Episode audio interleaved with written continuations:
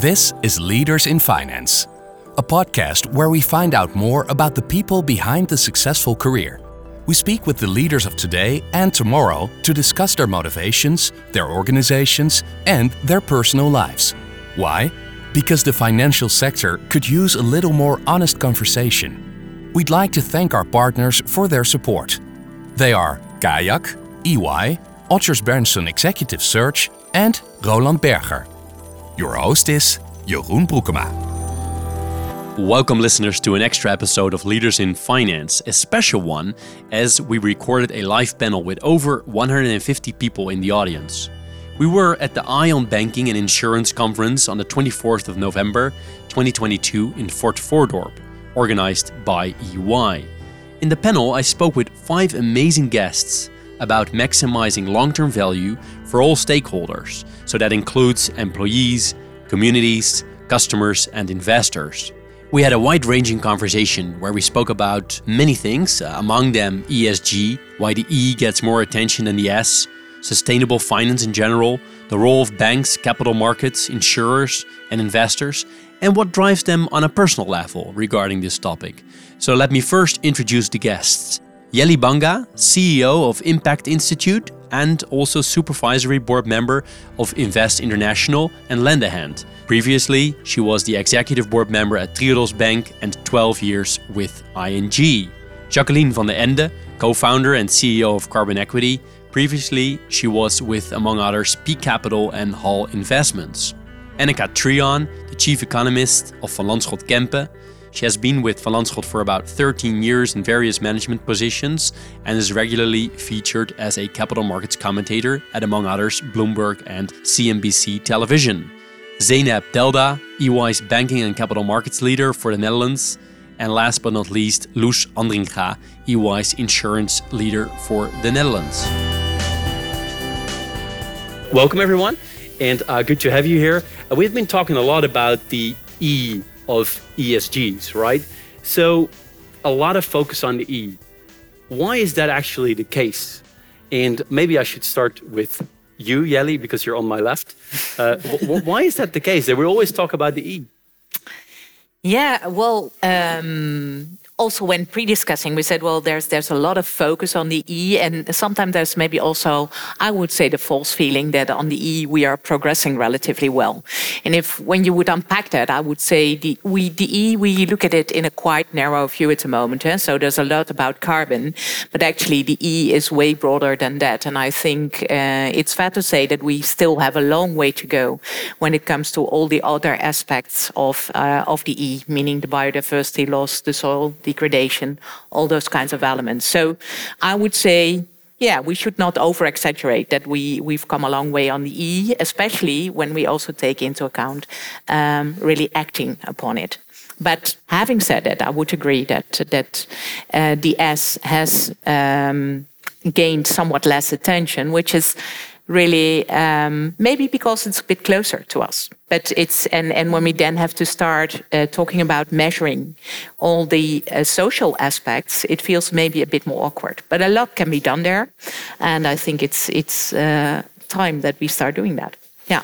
Jacqueline, you're in, in the uh, the carbon equity is, is your is the name of your business. So it's also e focused, or is that a, is that yeah, we're fully e-focused. Yeah, so through carbon equity, uh, private investors invest in climate solutions, uh, and that can be okay. So the the vast majority of these climate solutions are technical. So think of zero carbon cement, zero carbon steel. Think of vertical farming. Think of plant based proteins.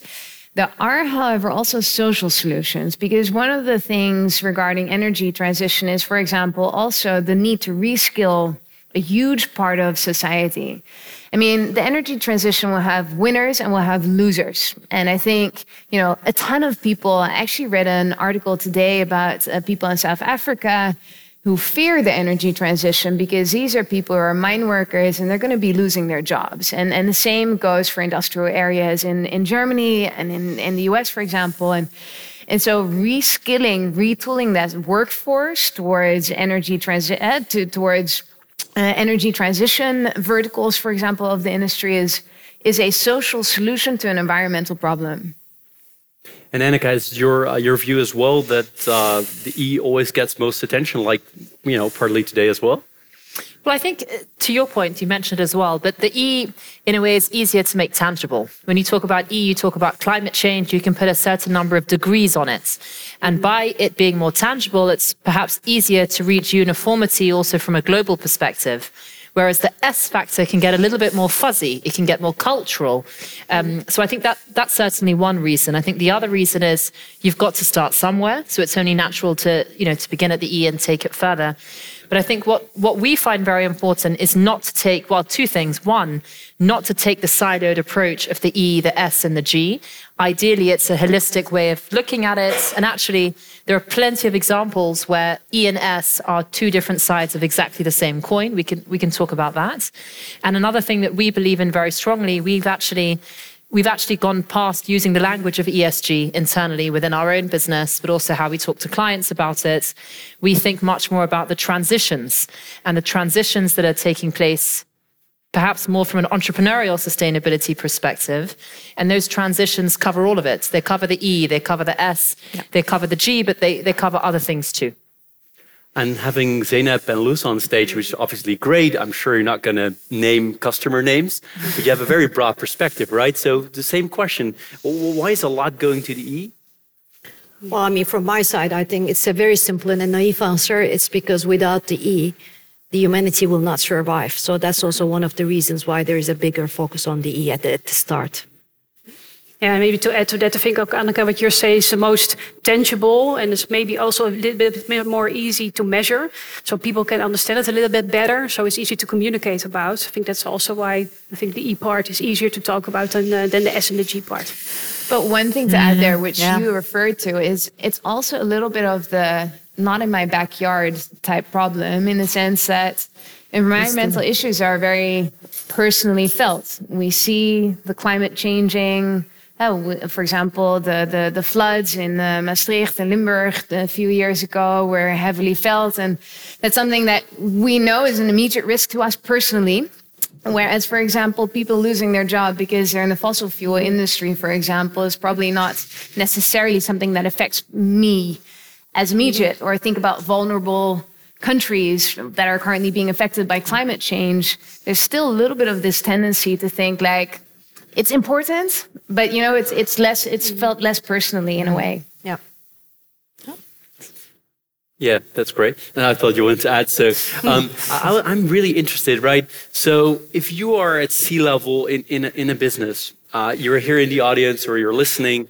So so what are other things that how you can go about uh, thinking about the S, right? What are the things? How can you implement that? How can you make impact as a business on, on the specifically on the S side? Given we have heard quite a lot about the E, um, who, who likes to to speak to this?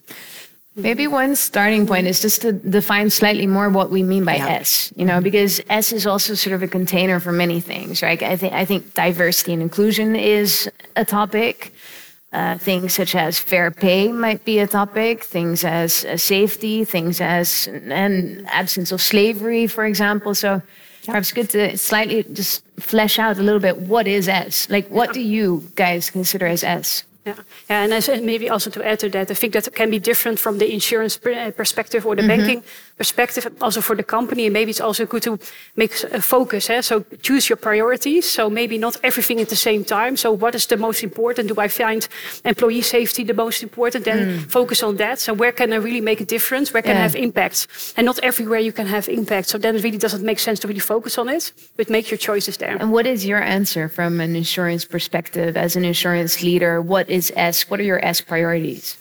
Uh, for example, I think we had a very good one uh, in the morning. We had one of the insurtechs also uh, explaining to us about the new uh, employment market, eh? because we see a lot of people without fixed contracts. So how do you really um, make um, insurance available for uh, people without that? Super and important. Yeah. So that's I think one of the things, and that's why we also see that we see uh, insurance, uh, insurtech insurance companies focusing on that. So there's more examples to give in that uh, in that space, but that's one example.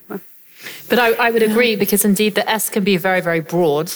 And I think it's important that we take the responsibility to focus on the areas of S where we can actually make an impact, which is exactly what you're mm-hmm. saying. And if I wear the hat of an, of an asset owner perspective, because obviously with our organization, we are an owner of many, many companies, through active engagement, through really being on the strategic table with management teams of businesses that we own, where we could have an impact is areas such as, for example, living wages. Yeah. And that's that's our responsibility. And what you notice is, especially the smaller sized companies, they would str- they can sometimes struggle a little bit more than you know the massive global conglomerates with really making sure they feel confident about their entire value chain of production, production standards, living standards, living wages, etc. And I think the first step is simply transparency, information and understanding what goes through that whole value chain. How can we help? With understanding that. And the second step is really making steps.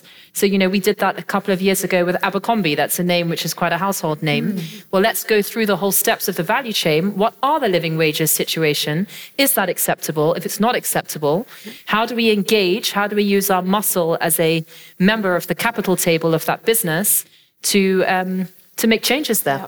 Yeah. Yeah.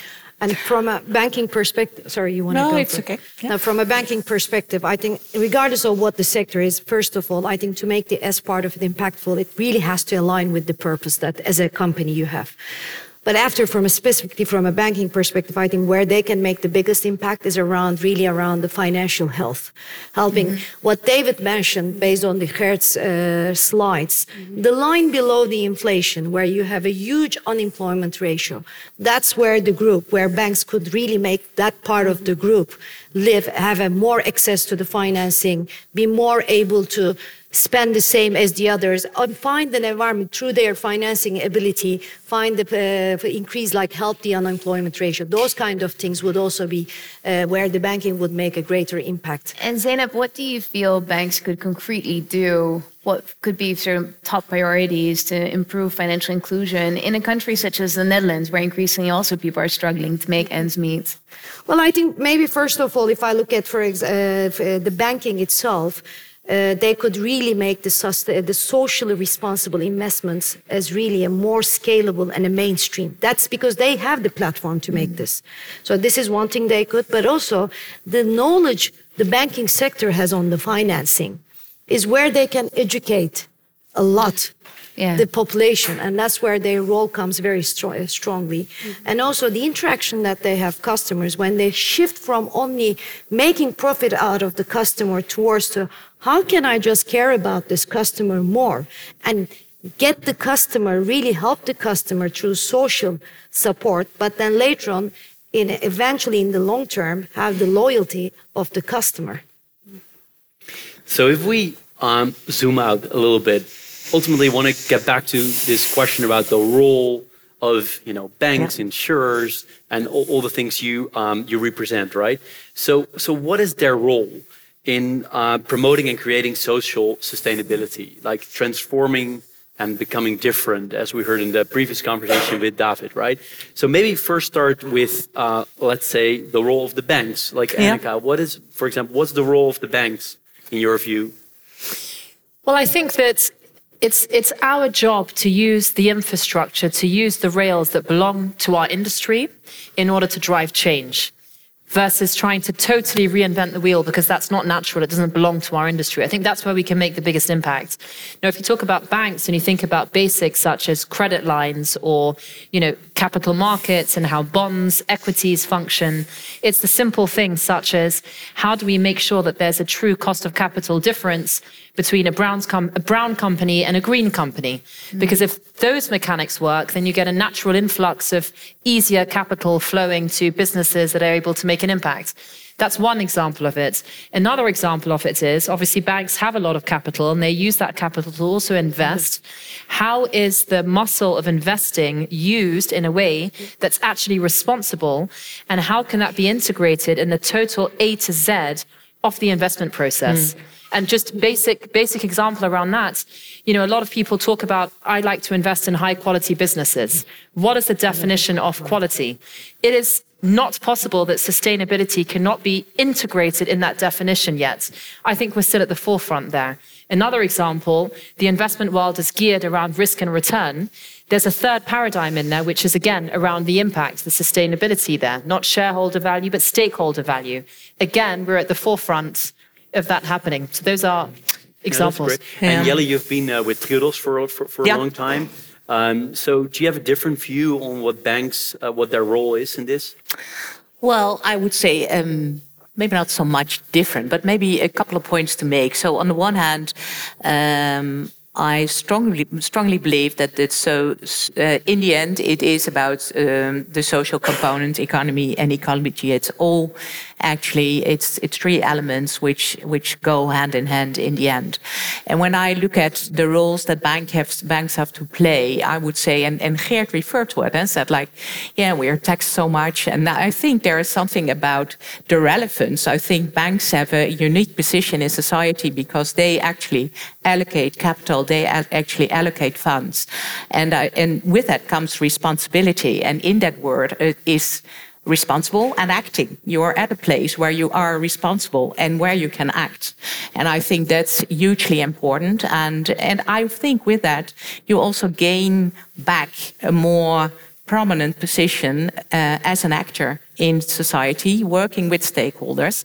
And I think all those also those kinds of issues like taxing, you know, that is a reflection of a pricing coming from the outside.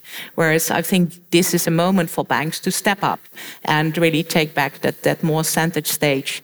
Um, societal role and, and act from that. And uh, I think it's also, um, like David also referred, I think um, maybe sometimes sadly enough, there's uh, by now a business case in there, isn't it? Because all the externalization uh, costs that we've externalized to society are quickly coming, uh, becoming internalized into the pricing of the assets. So there's also more and more business case. But I think the, the broader um, yeah, role or promise is in taking back that more central role, which I think banks play as intermediaries in society, and um, maybe we've lost sight of. Yeah. Right. Before we move on, I just wanted to ask you one other thing, Jelle, which is uh, we heard David talk about uh, very clearly he wanted to engage, right, in, yeah. instead of excluding. Do you agree with that? Well, I agree. I agree that in the sense that uh, there is this path of transitioning. So it is a matter of you know distinguishing between front-running companies and those that transition. But I think within transition, there's a very important element which is about intent. Do you truly believe that this company, this leadership, is willing to really make that transition? And when I heard him say, you know, we are still in oil and gas, I, I would say that is to me uh, becoming somewhat problematic because do you then really, really think that this company will make that change? I think their engagement can also be, and is not always, but can also be a way in which you actually delay a certain transition to happen. Yeah. So, but then on the other hand, I mean, uh, what happens when you divest, right? And uh, there's been quite a lot of research on divestment that typically what happens is that indeed somebody else in the short term they will be picked up.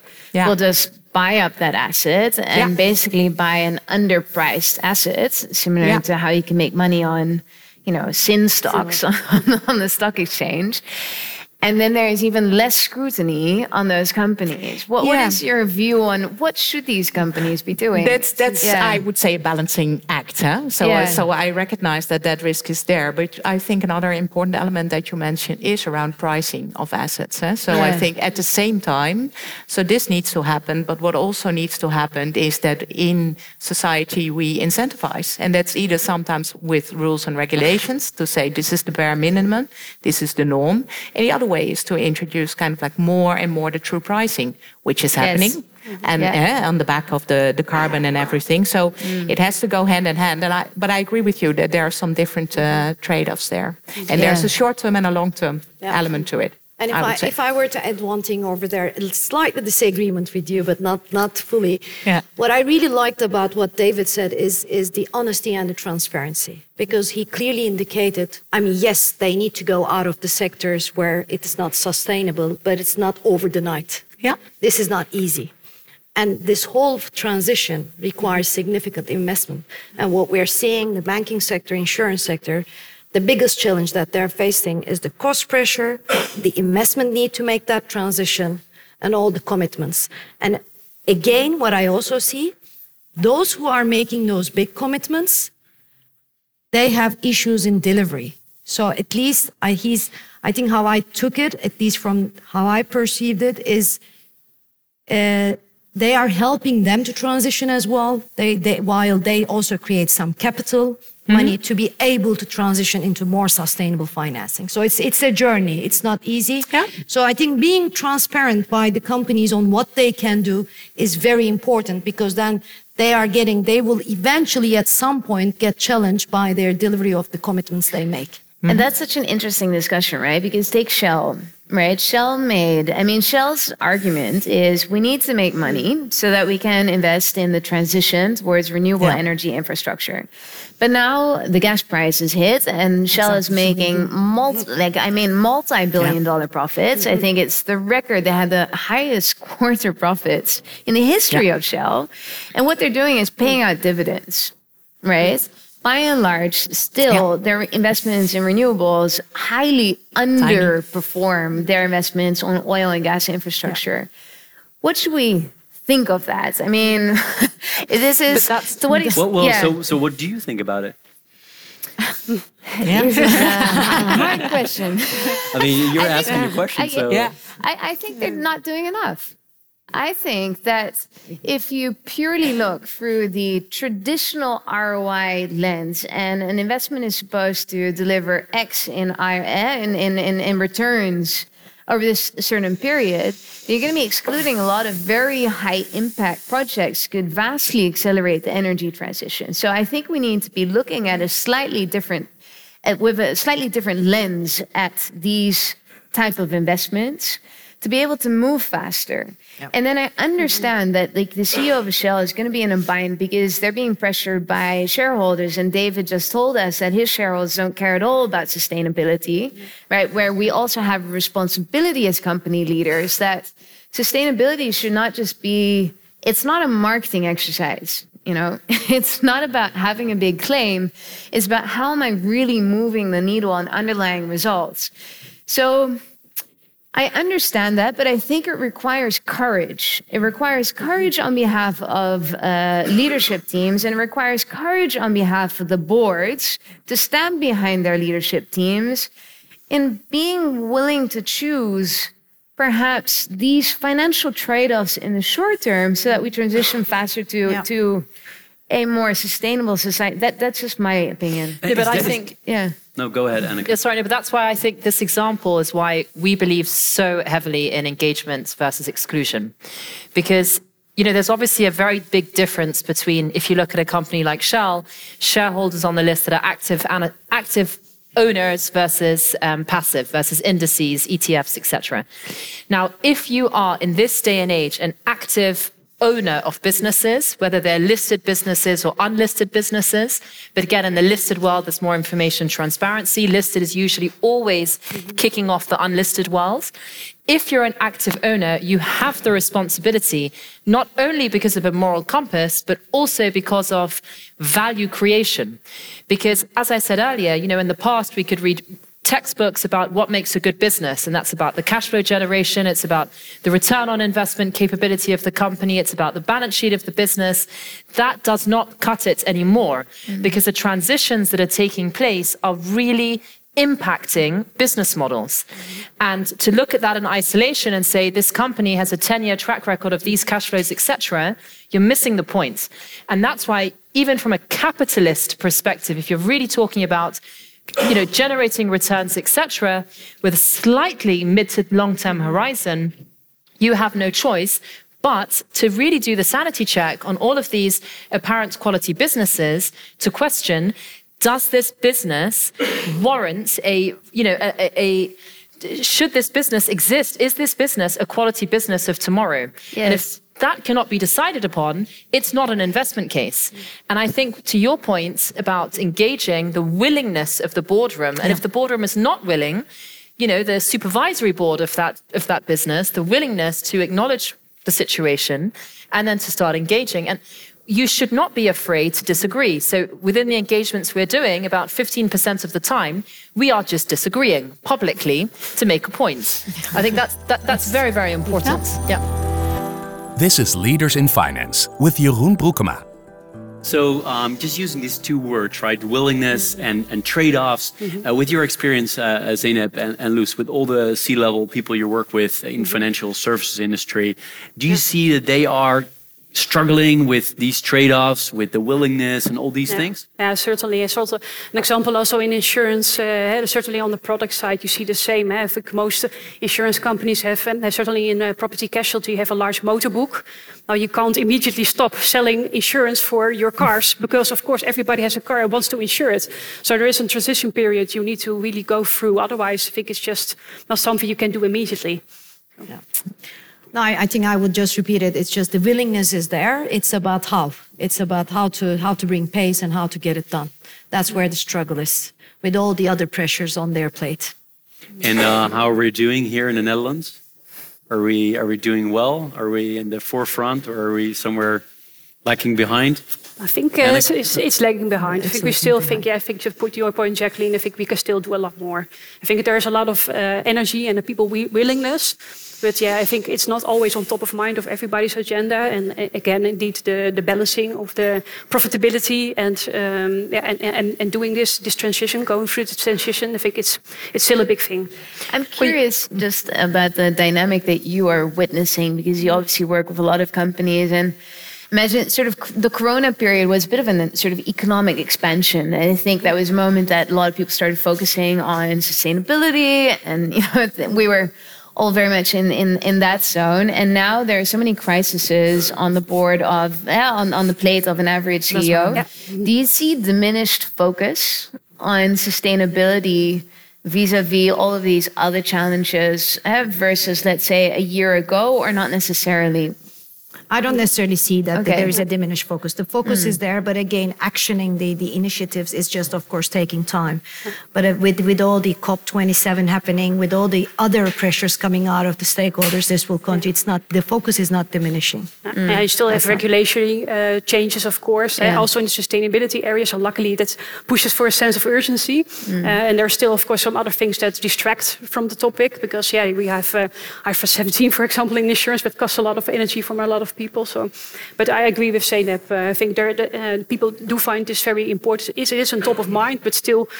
Uh, putting all the energy only on this topic, yeah, of course, that's not possible yeah. because there's so many other things you need to take care of. But I think with all this, this as you mm. said it, the whole crisis, the war, the pandemic, and everything, despite the fact the focus is not diminishing, but it's just not letting the, the, the management, the board, the, uh, to step back and really have the opportunity to really think through and embed their whole end-to-end ESG strategy into their ecosystem. It's just, just because they have lots of things to do, but they really don't have the time to step back and strategize this, put a focus, a structure. That's, that's, that's the main challenge I see happening. So, so on this on this topic about the Netherlands, back to that question, how we're, how we're doing. Uh, some quick thoughts from you guys before we move on to the next topic. No? Yes. No. Yeah, well, you can go first. Well, I, I actually think that if you if you zoom out and you look at first Europe versus the US, Europe's at the forefront, hmm. right? So Europe is actually teaching a lesson to the US in terms of how to take these matters more seriously and how to actually execute them. And it's quite fascinating because you see, you know, multinational big sized businesses that have European exposure that are now realizing, wow, we need to really up our game in Europe. Otherwise, we simply don't have the license to operate. So I think that's really fascinating. And if you go into the Netherlands, of course, there's far more we should do. But I think we can also be quite proud about the level that we're at. And I think that's also really helped by this amazing amount of capital that is lying in the Netherlands, yes. be it via the pension sector. Mm. But it's it's really set a precedent, actually. It's really set a precedent to other countries, you know, certainly outside of Europe. So there's things that we should be very, very proud of. And we should think, hey, what got us here? And how can we continue that momentum going forward? So I'm I'm quite glass half full from that perspective. Yeah. Are you as optimistic, Jellie?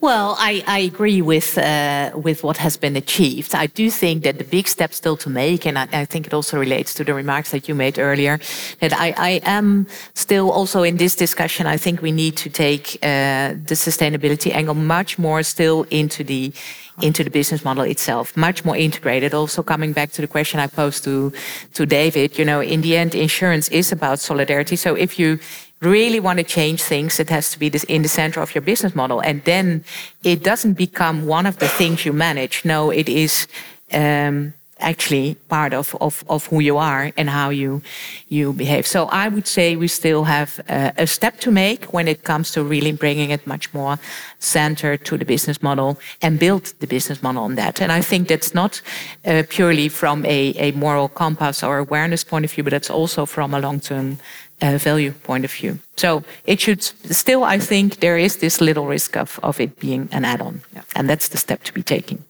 Yeah. Given I don't want to get in trouble with Bram and also with all of you because yeah. we're we're the, the you know the show before the drinks. Uh, we've got five or six more minutes. Um, in this wide-ranging conversation, we could go many directions, but the two directions I like to go before we uh, we work towards a close uh, regulation. I'm really curious about it because is regulation ultimately driving all of this, or is is is it more than that? Is it the willingness, it, or you know? Let, us be very honest. Without regu- the question is, without regulation, would we be where we are today?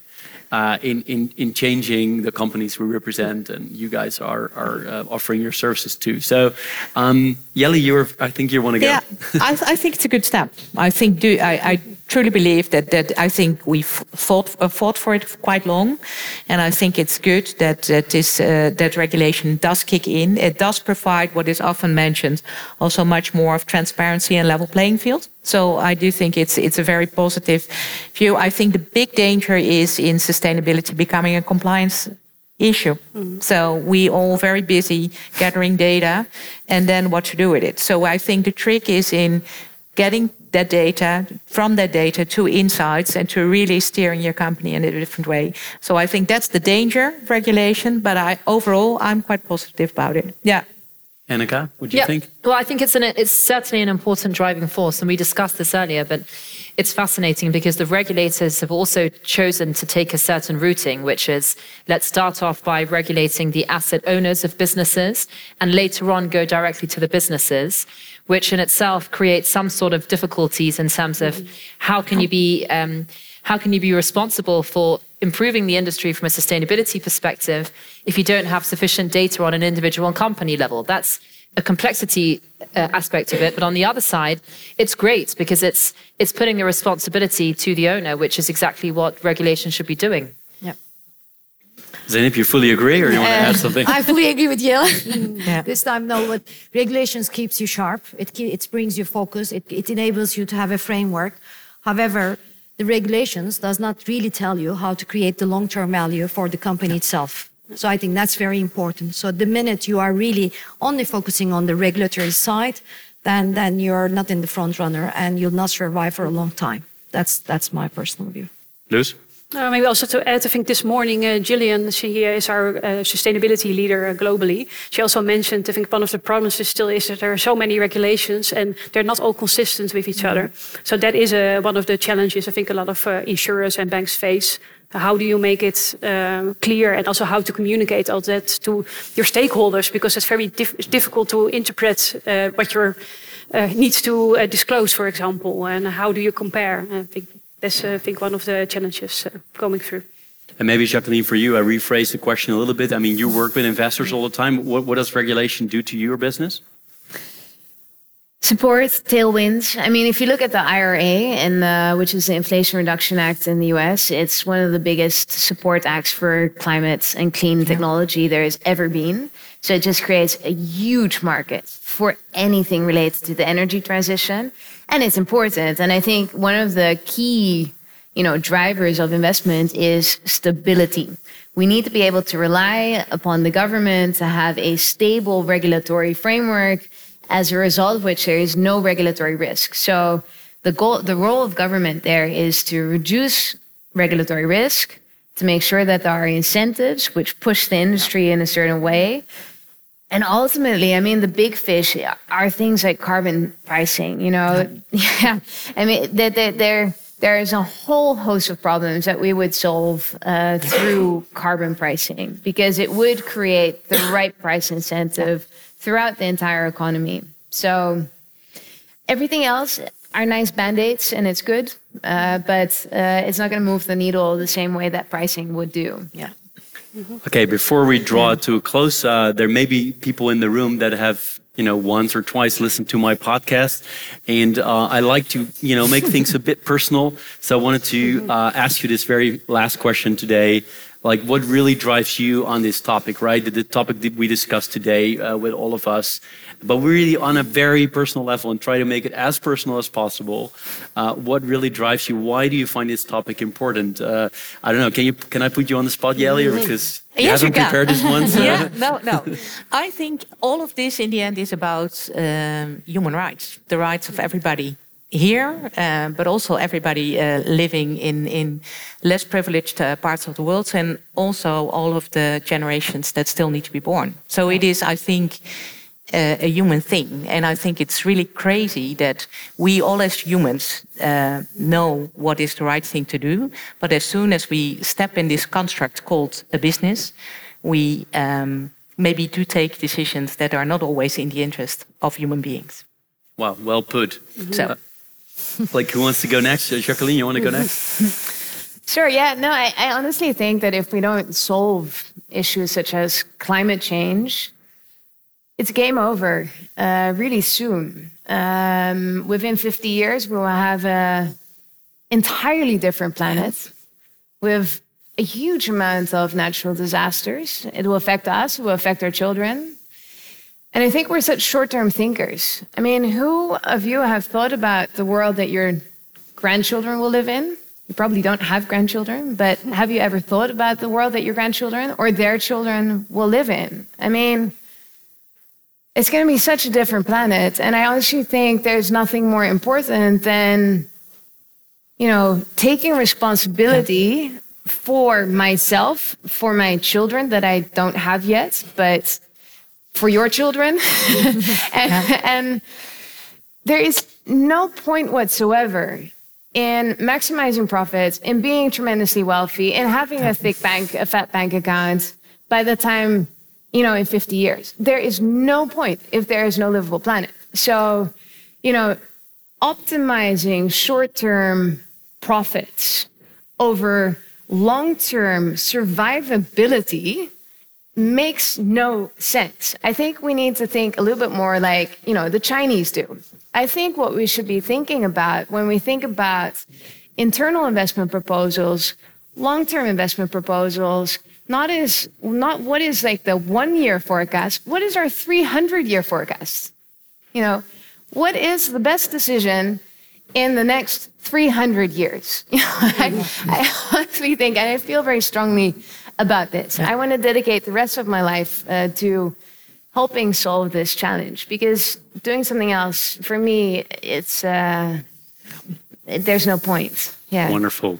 Well, two very personal answers. So uh, up to you guys to uh, Annika, you would like to. Uh... top this. Yeah, no. From my from my perspective, what fascinates me is we've constructed this very complex uh, perhaps sophisticated mechanism of how capital flows to businesses. We've overcomplicated it. That's what the entire industry has done. And what brings me huge amounts of energy is actually simplifying it back to the very basics. What are good businesses? How are they good businesses from a risk, reward, and impact perspective with adding the sustainability dimension to it? And how do we make sure that the the infrastructure that we've built, that we've spent centuries building together works to make sure that the end result is that we can have a world that we can actually live in. Because ultimately, that plumbing is what's going to drive a lot more than protesting and that sort of thing, from my perspective, because I'm wearing a asset owner's hat on. That's the world that I've been schooled in. And that's, uh, that's what gets me going. Wonderful. Zeynep? Well, it's our planet, right? We need to we need to save our planet. And and again, I think to to the point of Jacqueline on the short term thinking, I want to add a little bit the selfishness. So we need to really move out being yes. selfish, and think of the broader uh, perspective. And again, coming back to the David's comment, comment, we need this is the time where we should not compete against each other. This is the time where we should really work together because we can't do this individually. And if we start racing with each other individually, then it's not for the better, wor- better world. It's, it's for our individual selfishness again. So I think that's, that's, that's, that's the, the reflection. And mm, another thing from my side, very personal, I am true believer of equality. So it's very important with this the world, the equality in world hopefully will increase as well, and that's what it will help. Because currently there is not yet the level of equality that we would want it to be. Last but not least, yeah, Ruth, so many great things already word. said. But maybe what I could add to this is, uh, I think the insurance sector, where I'm mainly working, maybe also the banking sector, I think. Uh, uh, last year's a uh, lack of trust has, been there for a long time already, and so I get energy also. So if we focus more on this, more on the ES and the G side, that we really can help that uh, and make uh, that the insurance industry and the banking industry uh, get, gets more trustworthy, and the customers and the people, the stakeholders, are more believers of what we're trying to make a difference in the world. Well, thank you so much. Before I hand over to to Bram, uh, thank you guys for uh, taking the time to listen to this conversation. Uh, thank you, listeners of the podcast that will hear this as well, uh, and thank you guys so much for uh, for for doing this and for taking the time. Thanks for organizing EY. It's really really good. Back to you. You've been listening to Leaders in Finance. We hope you've enjoyed the episode and would love to hear from you. What's on your mind? Who would you like to hear next? Tell us in an Apple or Google review, via email, or our social media channels. We'd greatly appreciate it. Finally, we'd like to thank our partners for their ongoing support. They are Kayak, EY, Odgers Berndtson Executive Search, and Roland Berger. Thank you for listening.